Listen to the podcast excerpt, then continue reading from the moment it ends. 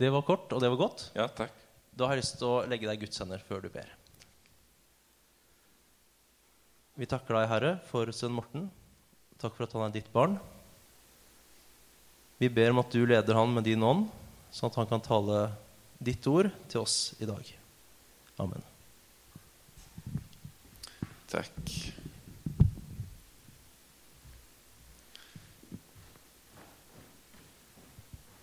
Bare si som, eh, som eh, tidligere tekniker så eh, testa vi mikrofonene på forhånd, og det var lyd. Og jeg syns vi skal ha litt medfølelse med den. For det er ikke gøy når du ikke vet hva som skjer. Vi skal lese ifra Johannes 17, vers 1-5.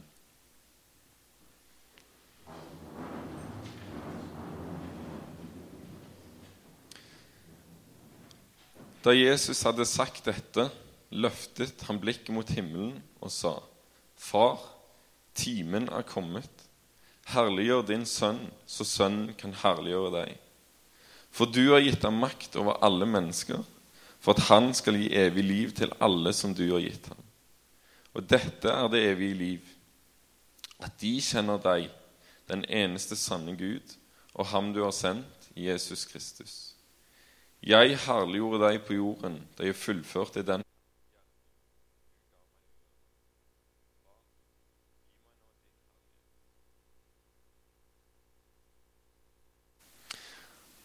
Og nå står han på et punkt der det er rett før han blir tatt til fange.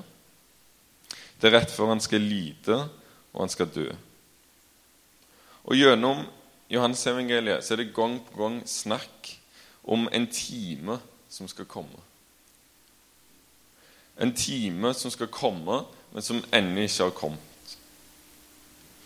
Um, der, er flere plasser der det står. Blant annet så står det når, når Jesu mor, Maria, konfronterer han i et bryllup og sier eh, de, de går tom for vin.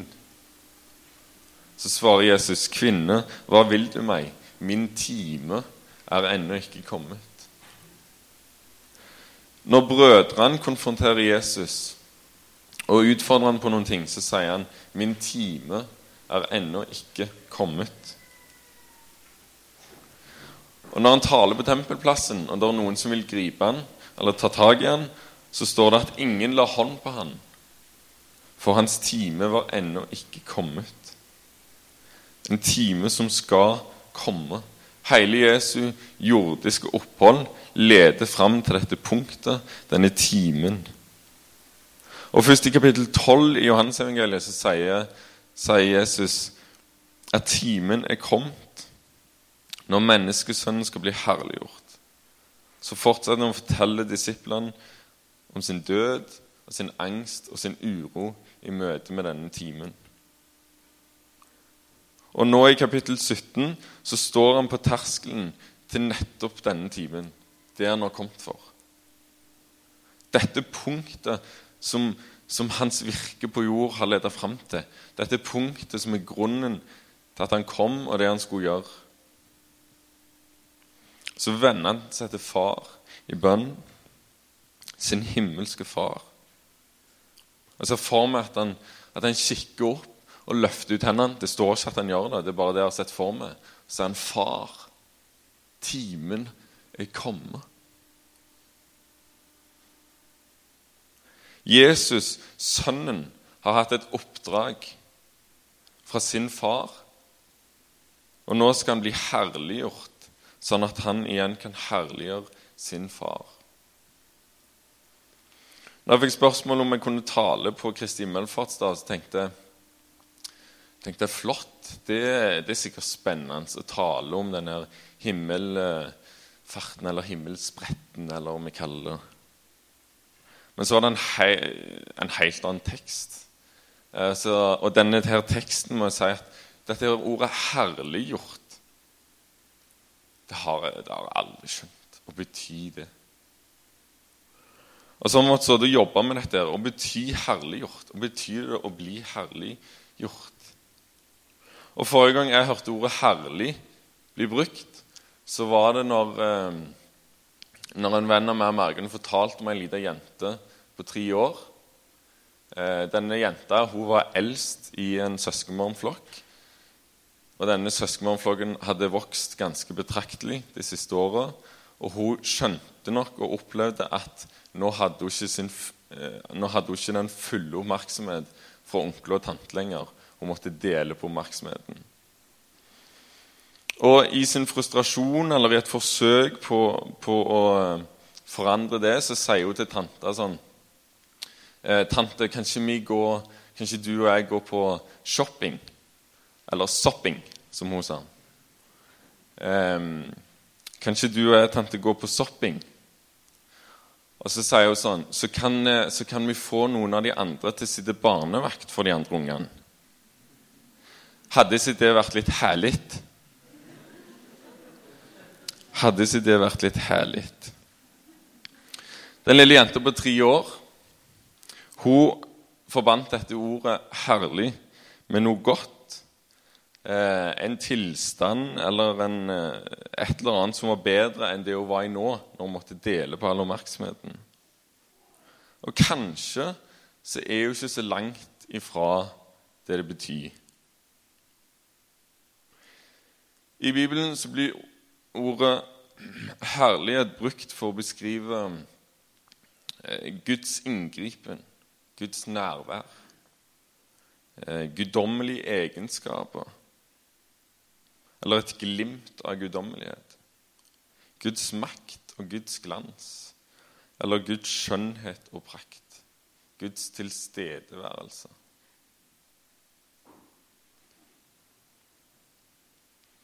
Så har jeg tenkt sånn, Men det stemmer jo ikke med disse versene. Det, stemmer, det, det går ikke opp i hodet mitt. For i disse versene så, så er det akkurat som det er en motsetning. Hvis, hvis herlig er noe godt og guddommelig og oppløfta og, og, og, liksom prakt Så skjønner jeg ikke hvorfor Jesus da står og sier at eh, nå skal han lide, han skal dø. Og på den måten så skal han herliggjøre sin far. Eller han skal bli herliggjort gjennom det.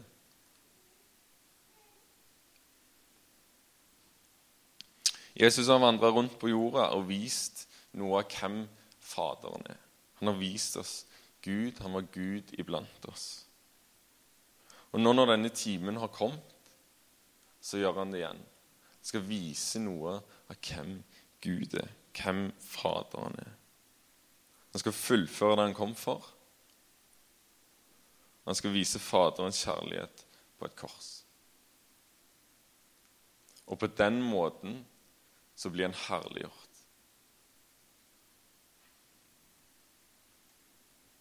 Og han herliggjør sin far. Jesu herliggjørelse av Faderen er å fullføre det oppdraget som han har fått. Han har fått makt over alle mennesker med en hensikt. Oppdraget eller hensikten er å bevare dem og gi dem evig liv. Alle som Faderen har gitt ham, skal bevare og gi evig liv. Jesu makt over alle mennesker har altså den hensikten. Evig liv. Derfor kom han. Og på den måten så herliggjør han sin far. Jesus hadde en misjon, et oppdrag. Hans, hans tilstedeværelse her i verden hadde en hensikt, dette målet, denne timen. Det var det som skulle til for at vi skal kunne få evig liv. Og er dette evig livet?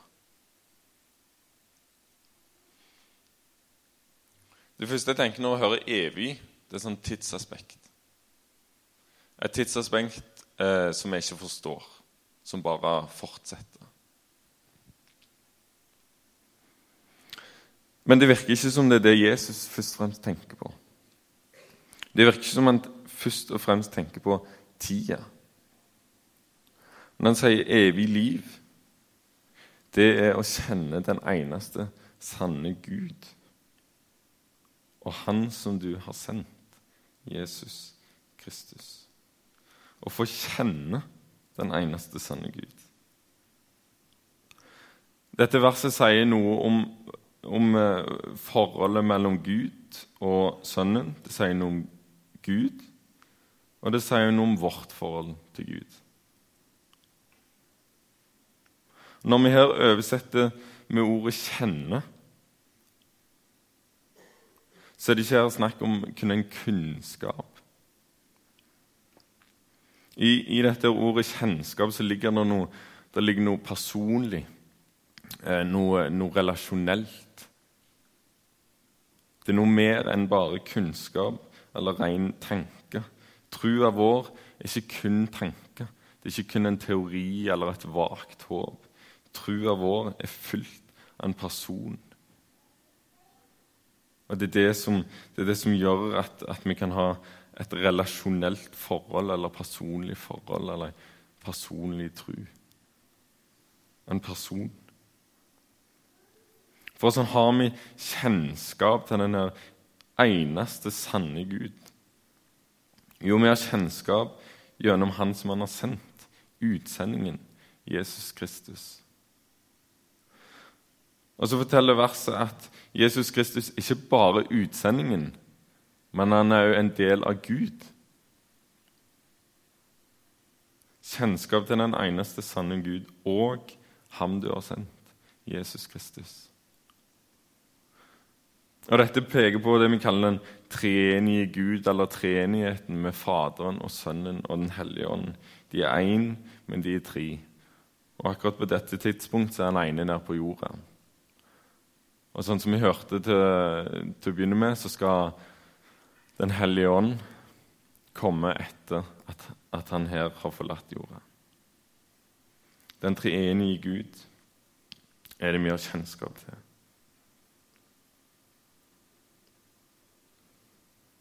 Og denne kjennskapen til denne guden, det er altså det som er et evig liv. En frelse fra våre synder inn til en evighet i kjennskap med Gud. I vers 4 så leser vi at Jesus har herliggjort Faderen og fullfører den gjerning han ble gitt. Som han sa, så fikk han et oppdrag. Han har fullført det, og nå står han på terskelen til denne timen. Og Kapittel 17 det er egentlig en eneste lang bønn. Um, og Seinere i denne bønnen sier Jesus at han har bevart og passet på alle som Faderen har gitt ham. Og det, det som vi får lov å tro ennå, at det er han som bevarer oss. Det er han som passer på oss. Det er han som, som eh, tar i vare den der relasjonen eller kjennskapen til Gud. Altså Når det i vers 5 står om at han sjøl skal bli herliggjort, Han sier, 'Gi meg nå den, den, herligheten som jeg hadde hos deg før verden ble til.' Og Så tyder det på at han har faktisk gitt avkall på noe. Jesus skal avkall på noe for å komme ned til denne jord.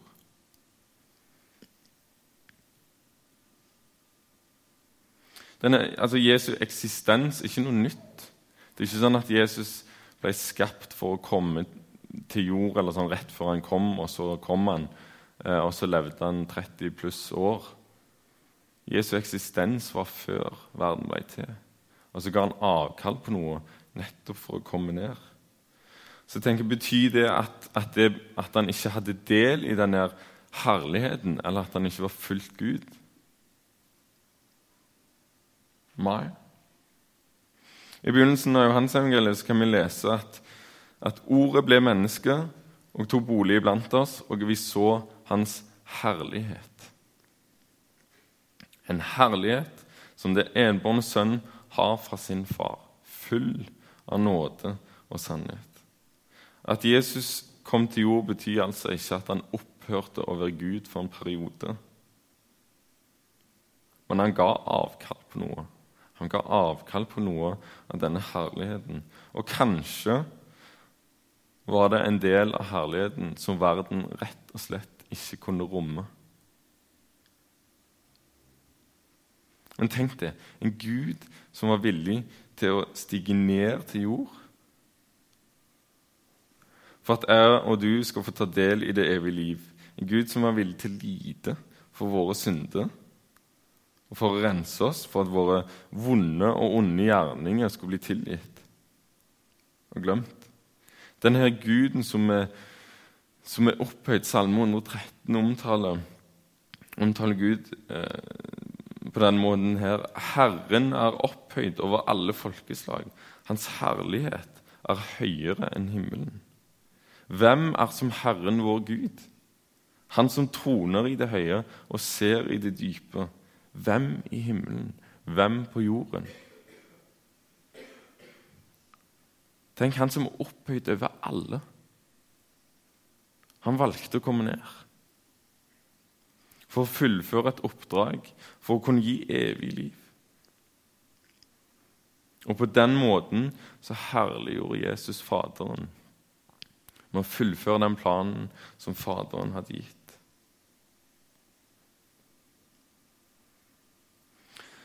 Og På samme måte så står det i, i kapittelet før, altså i kapittel 16, om at Den hellige ånd skal ta det som er Jesus sitt, og eh, forkynne det for verden, og på den måten herliggjør Jesus.